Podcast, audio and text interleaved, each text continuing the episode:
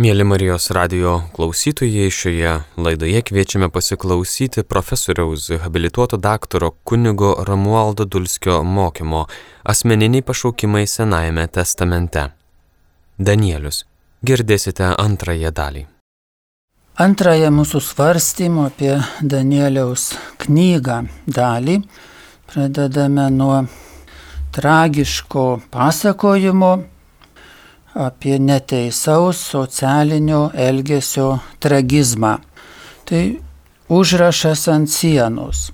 Kada karalius Belšacaras, puotaudamas ir jau įgėręs vyno, kaip sako Biblija, įsakė atnešti auksinius ir sidabrinius indus, kuriuos jo tėvas buvo pagrobęs iš Jeruzalės šventyklos kad iš jų gertų vyną su savo didžiūnais, žmonomis ir sugulovėmis.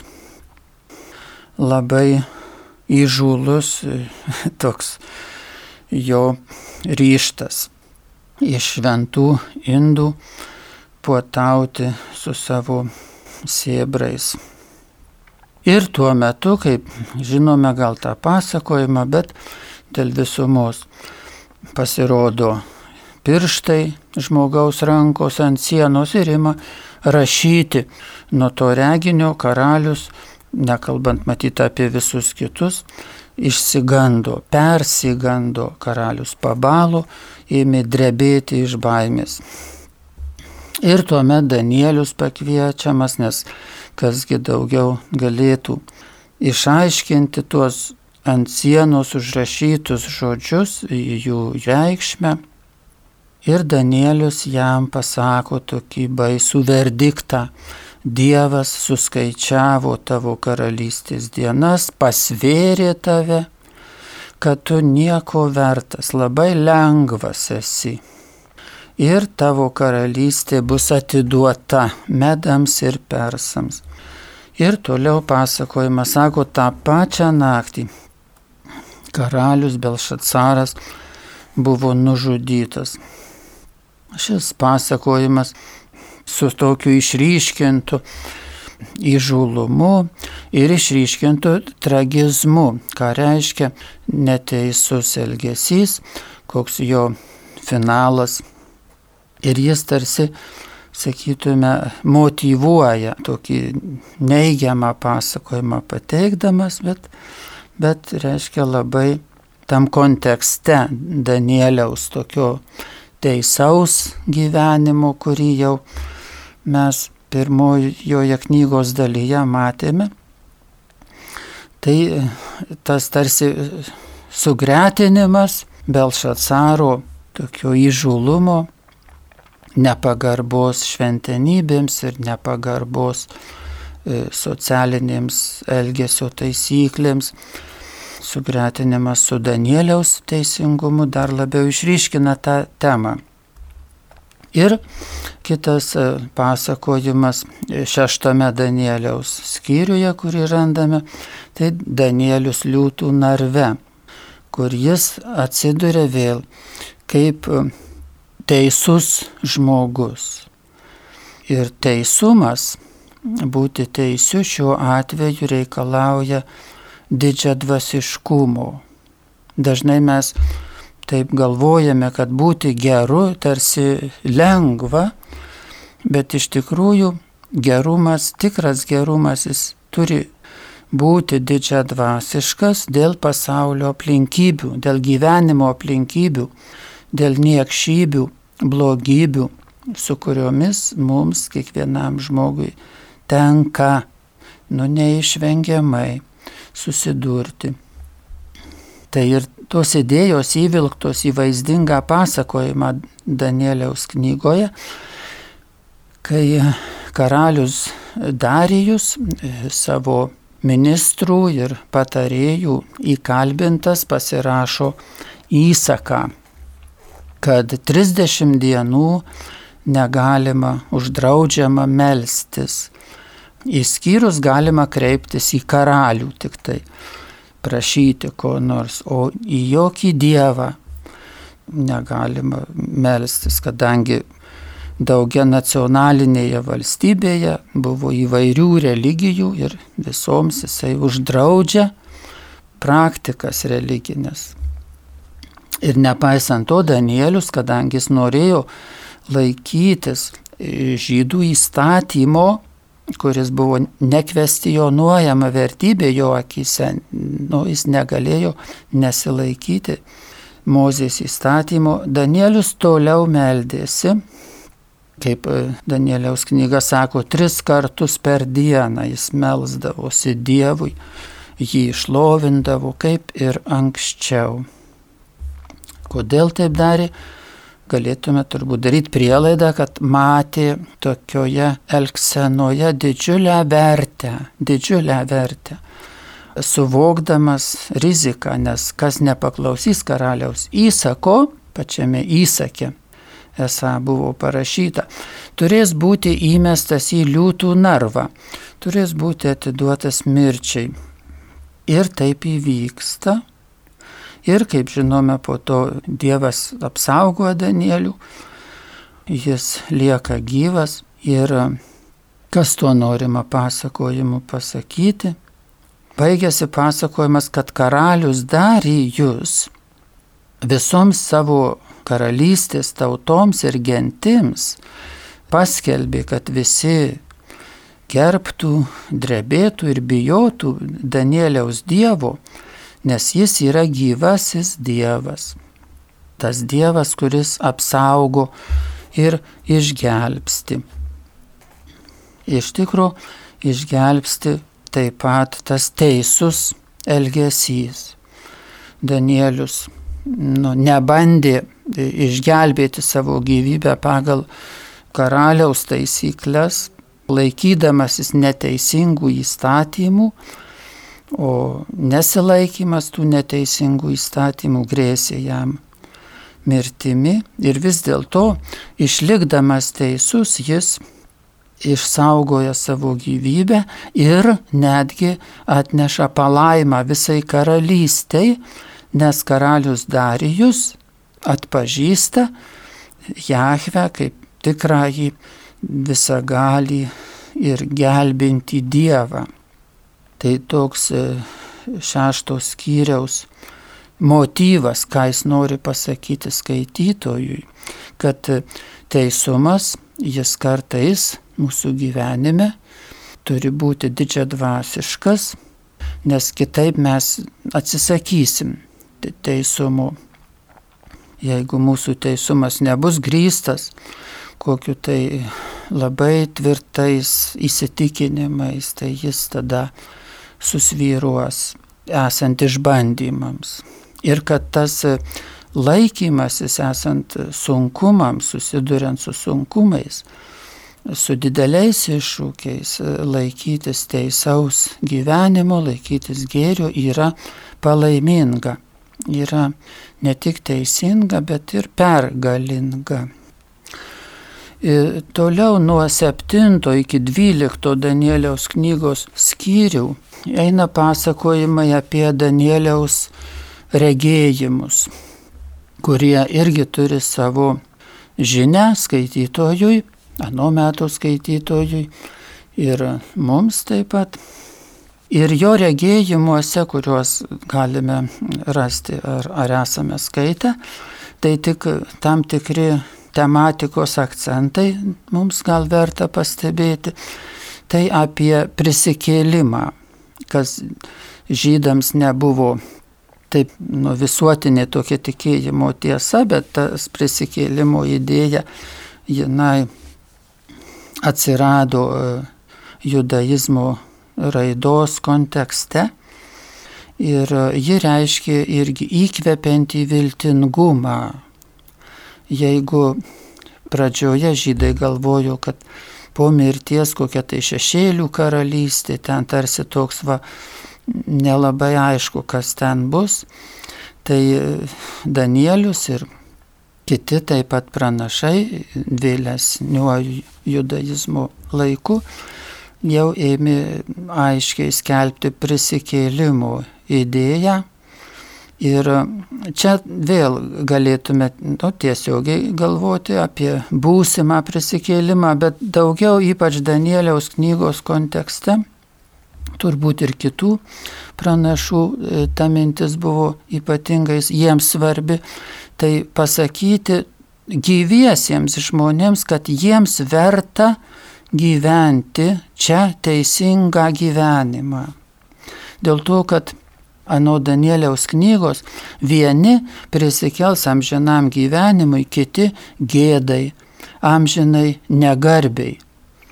Tai reiškia, visas akcentas dedamas į dabartį, kad tu, kai dabar girdi tuos žodžius, skaitai tuos žodžius, tai pasirink tokį gyvenimą, kad prisikeltum amžinam džiaugsmui, o ne amžinai gėdai.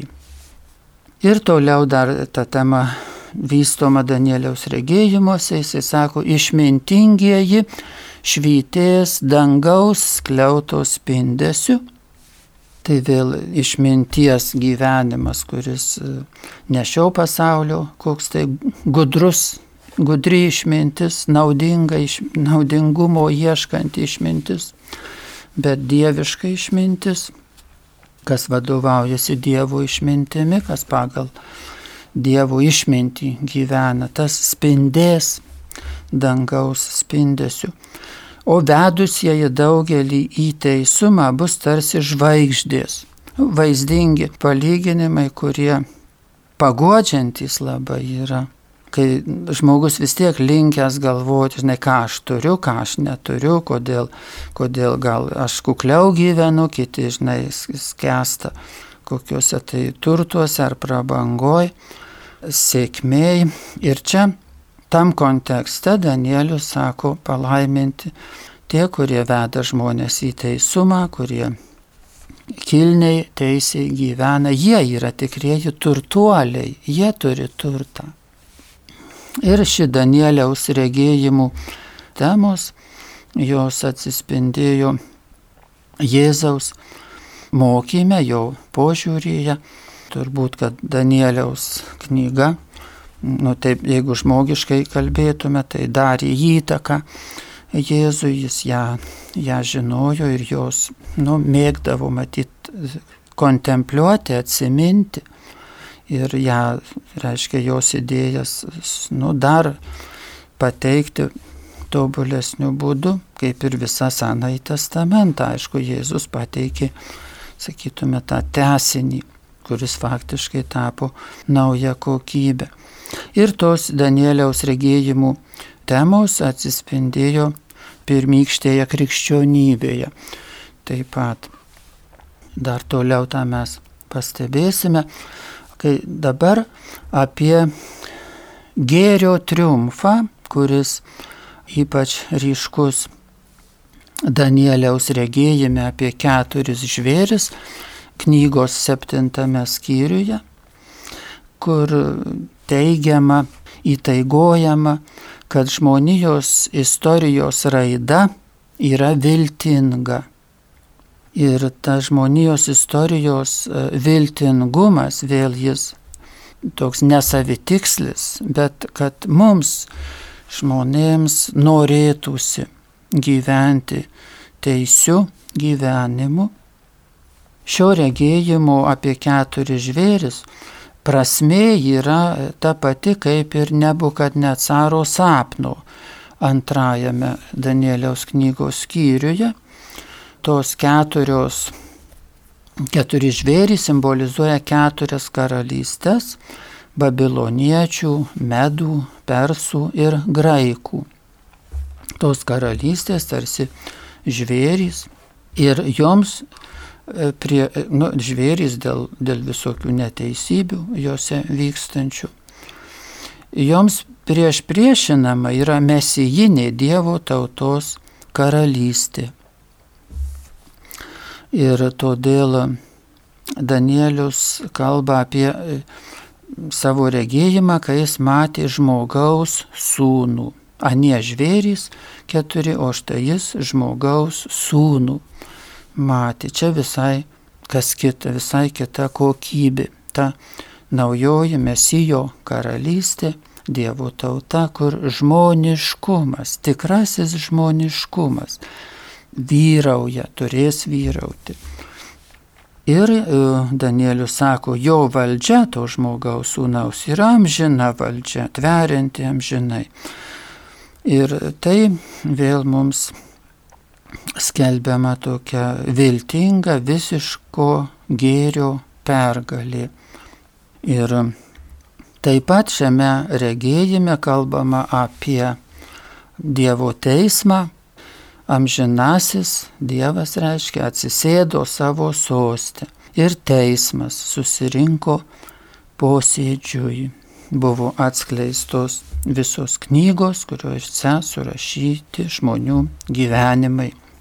Ir šis paskutinis teismas vėl tam kontekste suvokiamas kaip blogio pralaimėjimas ir gėrio triumfas, kurie irgi įkvepia skaitytoją, kuris, kaip minėjome pradžioje, tuo metu susidūrė su žiauriu svetimšalių persekiojimu, kai žydai buvo pavergti ir jiems ypač reikėjo motivacijos gyventi, kilnų teisingą gyvenimą priešintis neteisybei ir nukenčiant visokius, aišku, bausmes ar, ar kokius tai paniekinimus. Danieliaus knygos regėjimo apie keturis žvėris vaizdiniai panaudoti taip pat apreiškimo Jonui knygoje. Matome nemažai sąsajų tarp Danieliaus regėjimų ir Jono apaštalo ir evangelisto regėjimų užrašytų apreiškimo knygoje, kur tie Jono regėjimai jau pritaikomi bažnyčiai ir ją persekiojusiai Romos imperijai. Danieliaus knygos paskutinieji skyriai 13 ir 14 yra graikiškojo teksto priedai, kurie yra pasakojimai, didaktiniai pamokymai. Ir iš liturgijos mums labiausiai žinomas yra pasakojimas apie Zuzaną, kaip ji buvo neteisingai apšmeišta ir pasmerkta mirti, nes nesielgi, nu, taip sakytume, kai, taip kaip jai buvo nurodyta, kas labai dažnai įvairiose gyvenimo srityse, socialinėme gyvenime dažnai pasitaiko, sutinkama, kada mūsų turbūt dienų e, aktualijose taip pat, kada tam tikri skatinimai elgtis vienaip ar kitaip, nepaisant kas teisinga ir neteisinga, bet ieškant asmeninės ar grupių naudos ir žmogui pakliuvusiam į tokius, tokias girnas tikrai yra, yra nelengva apsispręsti elgtis teisingai, kaip ir Suzana tai padaro. Ji vis dėlto rizikuoja savo gyvybę, bet nesielgia neteisingai, praktiškai ji pasirenka mirtį. Ir net šmeišta taip pat, kad ji bus apšmeišta, absoliutiškai suniekinta dar prieš nužudant ją. Ji mirs su didžiulė gėda ir mirs. Ir ji vis tiek kokius du išbandymus milžiniškus patiria savo statuso, imidžo suniekinimą, įvaizdžio, absoliutų sutrypimą ir po to mirtį. Tas jai matosi akivaizdžiai. Ir Danielius, tada Danieliaus čia vaidmuo, kad jis neateina jos paguosti, pavyzdžiui, pasakyti, o žinai, dangui tau atlygins, neateina kažkokiu tai paskaityti tokių teorinių, moralinių dalykų, bet ateina apginti. Ir tai labai svarbu, kad šiuo epizodu Danieliaus knyga moko socialinės elgsenos arba pilietiškumo, kaip sakytume dabar, būti pilietiškais, užimti poziciją, kai vyksta socialiniai dalykai, socialiniai procesai, kai vyksta gėrio ir blogio, tiesos ir melo, teisingumo ir neteisingumo kova. Danielius Ir tas žydų tautoje turbūt tas labai matome ir tas holokaustas, kurį jie šiandieną apmastydami dažnai pasako, mes neatleisime. Gal čia nereiktų visada taip vien tik matyti tą, yra gal to gailestingumo neišvystytas, gal taip gailestingumas judaizme kaip krikščionybėje, tai tikrai.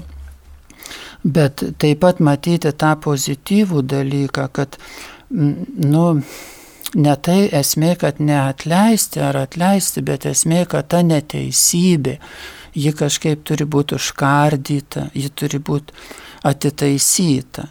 Tas judaizme yra labai stipriai išreikšta. Reiškia, kad padaryta neteisybė, ji negali būti taip nuglaistyta, bet ją, reiškia, būtina atitaisyti. Ir Danielius tą daro, jis ateina ir jis apgina Zuzaną, nubaudžia nusikaltėlius. Ir vėl čia matyti ne tą, kad nubaudžia, bet tą, kad sustato viską į vietas ir įvardina, kur teisumas, kur melas, kur apgavystė, kur tiesa. Viskas tada stojasi į vietas ir viskas nu, va taip, toks skaidrumas, kaip šiandienė vertybė, skaidrumas. Tai Danieliaus knygos 13 skyriuje. Visa Danieliaus knyga, galėtume sakyti, yra motivuojanti gėriui knyga. Motivacijos mintis persmelkia visus knygos pasakojimus Ir galbūt e, visa Biblija yra iš tikrųjų motivavimas žmogaus gyventi vienaip, o ne kitaip. Kokia ta motivacijos svarba žmogaus egzistencijoje? Mes turbūt nepakankamai suvokiame motivacijos svarbą ir reikšmę. Galbūt galėtume sakyti, kad daugybė dalykų mus demotivuoja. Kai kurie nesąmoningai, nu pasaulis. Pasaulis su savo požiūriais, su savo pasakojimais, savo naratyvais, kurie e, galbūt jie pagrysti faktais, iš tikrųjų į, tikrais įvykiais, bet visą tai klausant, girdint ar skaitant, dažnai ta vidinė motivacija, nu, ji išblėsti net gali. Kai kurios informacijos, kai kurie komentarai, jie labiau demotivuoja žmogų negu motivuoja. Nors be abejo, kad daug yra ir pozityvių dalykų, pozityvios motivacijos irgi galime rasti. Tačiau vis dėlto turbūt mes prabudę rytą, mes tokie esam, e, nu, nesame labai motivuoti. Motivuoti Dievui arba gėriui. Taip pat pradėdami savo profesinę veiklą. Tiesiog einame atlikti tą, ką reikia atlikti, bet ar esame motivuoti Dievui tarnauti. Apie tą vat, galima kalbėti ar visa profesinė veikla, kuriai skiriame daugybę gyvenimo valandų ir dienų ir didžiulę dalį savo viso gyvenimo, ar ji motivuota gyventi Dievui, Dievo meilė ir artimo meilė, ar kam kitam. Tai apie tokią motivaciją kalbame apie visus, visą mūsų bendravimą ir su artimaisiais, ir su svetimaisiais, kad jis tarsi savaime vyksta, jisai kažkaip vyksta, vienus mylime labiau, kitus visai gal nemylime, bet motivacija iš tikrųjų ji, ji kažkur tarsi prapuola, Ir todėl galėtume gal sakyti, kad viso religinio gyvenimo tas svarbus laimėjimas yra tai, kad mes esame motivuojami. Žmogus, kuris kokiu nors būdu praktikuoja krikščionybę vienaip ar kitaip, jis kiekvieną kartą prisiliesdamas prie, prie liturgijos, prie šventųjų tekstų, prie, prie kokiu nors mokymų jis yra motivuojamas.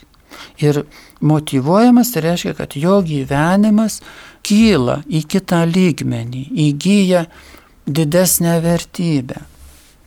Žinoma, vienas aspektas, manyčiau, mums gali kliūti Danieliaus knygoje šiandieniam skaitytojui ir todėl jis turi atsvarą gyvenimo praktikoje. Tai būtent, kad Danieliaus knygoje pagrindinis mūsų herojus visuomet toks išeina laimėtojas. Danielius visur laimi, jam gerai sekasi, jisai pagerbiamas karalių, nes jis jiems viską išaiškina, jis jiems gerai e, patarnauja, jis pasirodo kaip labai išmintingas ir jam viskas sekasi, jis visur nugali. Ir mes žinome kiekvienas, kad gyvenime visai būna. Ir todėl čia mes galėtume, kadangi Danielius žydų teisusis, tai mes paimti šių laikų žydę Eti arba Ester, jos tikrus, tikrasis vardas Hilesum, apie kurią kalbėjo popiežius Benediktas XVI ir turbūt dėl to ji ypač tokia iš, iš istorijos iškilo, iškelta. Tapo, kai Benediktas XVI savo bendrojoje audiencijoje 2013 metais prabilo apie šią žydę, kuri 29 metų buvo nužudyta koncentracijos stovykloje Ir jos gyvenimas, sakytume, visiškai priešingas Danieliaus sėkmei, nes ji buvo pasmerkta nesėk, nu, nesėkmei, taip sakyti, aišku, žmogiškai kalbant, tai milžiniškai nesėkmei, paskutinį savo gyvenimo etapą praleisti koncentracijos stovykloje ir laukti mirties dujų kameroje. Įdomu, kad Eti Hilesum Ji buvo tolima religijai ir koncentracijos stovykloje ji atrado Dievą. Tačiau, kaip tas klausimas holokausto teologijos, kurgi buvo Dievas per holokaustą arba kitais kataklizmais, kada vyksta tragiškos didžiulės blogybės, kur yra Dievas. Ir šis klausimas, geras labai klausimas, aš pasakyčiau, turbūt nereikia gal nuo jo pabėgti. Tik ne, nereikia suteikti iš karto savo ar kitiems tokių banalių ir primityvių atsakymų. Ir štai Ester arba Eti Hilesum, ji iš tikrųjų daug mąstė, nes tai buvo jos egzistencija. Kur yra Dievas, kai mes, aš ir mes, aš eti ir visi žydai tremiami į konslagerius mirčiai. Ir aišku, kad jie tikintieji žydai meldėsi, bet, bet jokia pagalba neatėjo. Ir kada ši mergina meldėsi Dievui, taip pat ji, ji suprato kažką, kad kas tai yra dar kokia tai yra žmogaus ir Dievo gyvenimo paslaptis.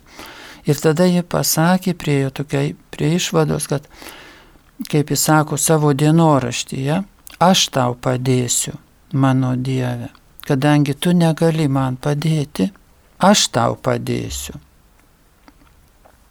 Ir čia toks įdomus tas, sakytume, jos Dievo išgyvenimas, kad ji jaučia, kad Dievas yra joje, truputis tavęs, mano Dieve, yra mumyse, jinai sako.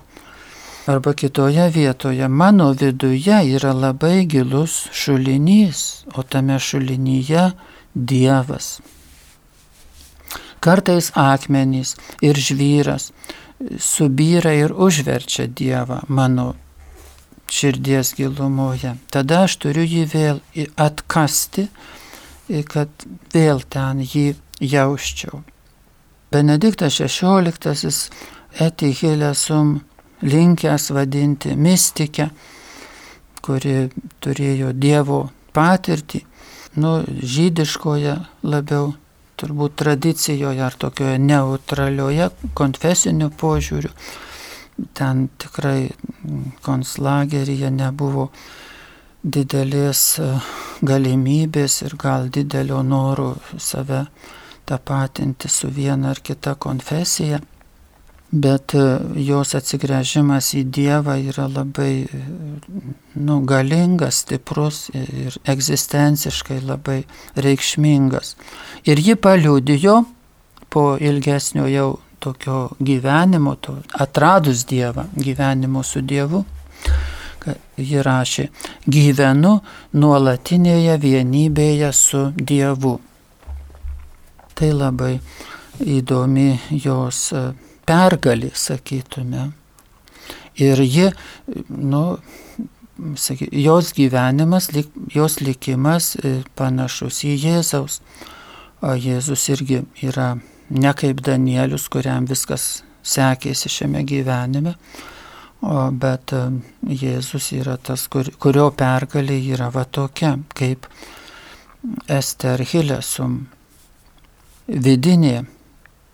Aišku, čia tik sąlyginis palyginimas Jėzaus ir Hilesum, bet e, kokios mes, aišku, mes kokios pergalės norime, tai aišku, kad mums viskas gerai būtų ir mes sėdėtume sostę patogiai, kad ir, kad ir teisūs būdami geri, bet kad nereiktų mums eiti Golgotos keliu.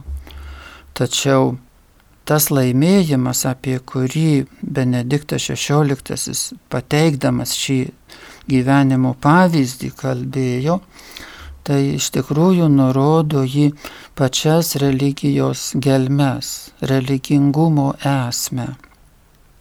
Ir ta religingumo esmė turbūt atsispindi trijose žiniuose, kurias įvardinome pradžioje mūsų mąstymų apie Danieliaus knygą, tai tos e, žinios apie tris mūsų gyvenimo kokybės.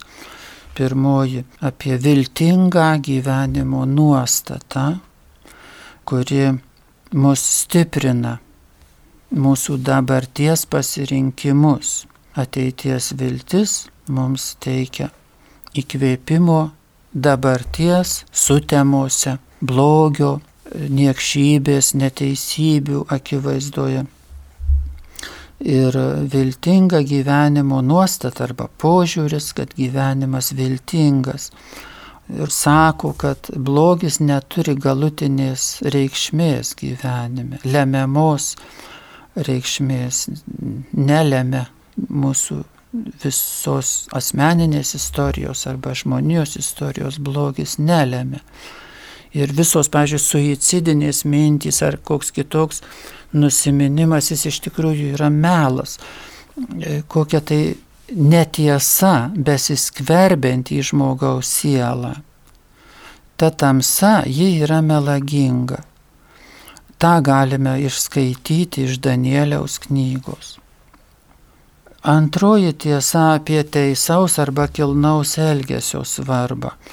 Kaip svarbu teikti prioritetą teisiam, geranoriškam gyvenimui. Kaip svarbu įveikti kliūtis, kurios iškyla norint būti kilniam, geranoriškam, teisėjai gyventi. Kaip svarbu būti didžiadvasiškam, nes gyvenimas būtinai pateiks kliūtis negalėsi būti menkas, toks silpnutis, toksai negalėsi būti geras tada, tada rinksiesi blogį. Tai žinia apie tai. Ir kad teisus gyvenimas, jis yra palaima, iš tikrųjų jis yra didžiulė palaima asmeniui, jo aplinkai ir visai visuomeniai. Ir trečioji tiesa, žinia, kurią ir skaitome Danieliaus knygoje, tai kad Dievas yra Dievas arba gyvenimas su Dievu geriau sakant yra stiprybės ir vidinės šviesos versmė. Dievas nėra taip, kad mes ateinam lik pareigas atlikti ar kažkaip pasimelsti užmirusius vien tik tai. Bet iš tikrųjų Dievas yra versmė. Mes būdami su juo, ta stiprybė ir vidinė šviesa, ji teka į žmogų, teka. Ir ji gal tokia, ta stiprybė yra kartu ji švelni, subtili, žmogus ne, netampa koks tai žiaurus galiūnas, bet švelnus, subtilus, bet stiprus. Ir vidinė šviesa, kuri visiškai išstumia tą, tą nelemtą, melagingą tamsą, kuri linkusi verštis į mūsų sielas, kai mus apninka nesėkmės. Ir ta vidinė šviesa, kylanti iš gyvenimo su Dievu, ji tada ji suveikia mumyse. Bet šitos trys gyvenimo kokybės, jos nėra momentinės, jos yra testinės, jos ugdomos ir brandinamos visą žmogaus gyvenimą. Šioje laidoje klausėmės profesoriaus habilituoto daktaro kunigo Romualdo Dulskio mokymo Asmeniniai pašaukimai Senajame testamente Danielius. Klausėmės antrosios dalies. Likite su Marijos radiju.